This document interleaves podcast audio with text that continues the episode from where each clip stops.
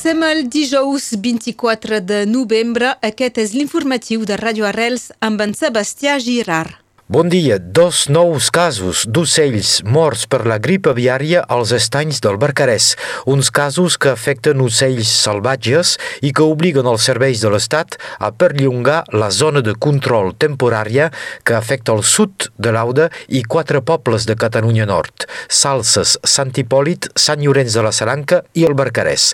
La zona de control obliga a tancar gallines i aviram per evitar contactes amb els ocells salvatges.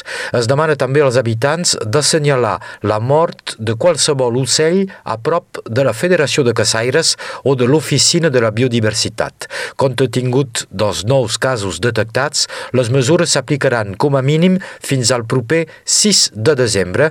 La Prefectura dels Pirineus Orientals precisa que s'efectuaran controls a prop de professionals i particulars. Les estacions d'esquí de Formiguera, el Cambra d'Asa i Porte Pimorent s'ajunten per constituir una sola estructura. Batejada Trio Pirineus pren la forma d'una societat pública local. Les tres estacions preveuen una inversió de 30 milions d'euros en els 5 anys que venen i un pla de desenvolupament amb l'afany de repensar l'activitat sobre les quatre temporades. Hi haurà un forfet únic per les tres estacions que també posaran en comú els mitjans humans i tècnics. Un cop més, el batlle del Barcarès és posat en examen. Alain Ferran és sospitat de presa il·legal d'interès. Se li retreu d'haver facilitat la compra de mascaretes pel municipi del Barcarès i per l'aglomeració de Perpinyà al benefici d'una empresa gestionada de facto per ell mateix. El seu advocat nega en bloc aquestes acusacions. A l'actualitat internacional, el Tribunal Suprem del Regne Unit va decidir ahir dimecres no autoritzar Escòcia a fer un segon referèndum d'independència i dona així la raó al govern britànic que s'hi havia oposat. Pel que fa a les argumentacions sobre el dret a l'autodeterminació utilitzades pel govern escocès, la sentència afirma que aquest dret només pot ser invocat per excolònies o per pobles ocupats i oprimits per un país estranger estranger. La primera ministra d'Escòcia, Nicola Sturgeon, havia planificat el segon referèndum d'independència pel 19 d'octubre de l'any que ve. Recordem que el primer es va celebrar el 2014 i que el no havia guanyat amb el 55% dels vots.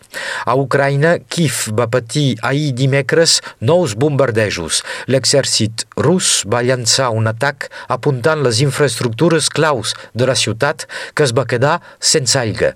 La xarxa elèctrica també va ser malmesa. Aquesta nova onada d'atacs contra la infraestructura energètica ucraïnesa també va afectar instal·lacions a altres ciutats del país, a Vinícia, Kharkiv o encara Odessa. Fa setmanes ara que Rússia centra els seus atacs a colpejar les infraestructures ucraïneses i el país comença a patir greus problemes a les xarxes d'aigua, de gas i d'electricitat i això just a l'inici de l'hivern.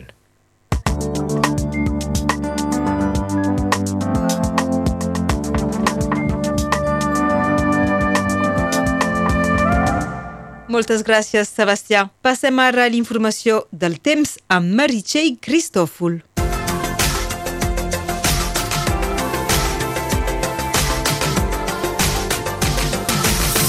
Bon dia. En gros, comparat a ahir, avui tindrem un poc més fred, però amb menys humitat i es preveu menys tramuntana. Les ràfegues màximes no haurien de despassar els 20 km per hora a la costa. Avui no neva del costat de la Cerdanya i del Capcí, però uns quants ruixats són igualment a preveure aquesta tarda. Com ho deia a l'inici, les temperatures són un poc a la baixa, 16 graus a Perpinyà, Torelles i Argelers, 15 a Espira de l'Agli, 14 a Illa, 13 graus a Prats de Molló, 12 als Masos, 11 a Jujols i 2 graus a Eguet i als Angles. Aquesta tarda el sol se pondrà a les 5 hores i 18 minuts. Avui celebrem Sant Andreu, Santa Flora i Santa Maria. I acabem amb el refrany del dia per Sant Andreu, pluja, neu o fred molt greu.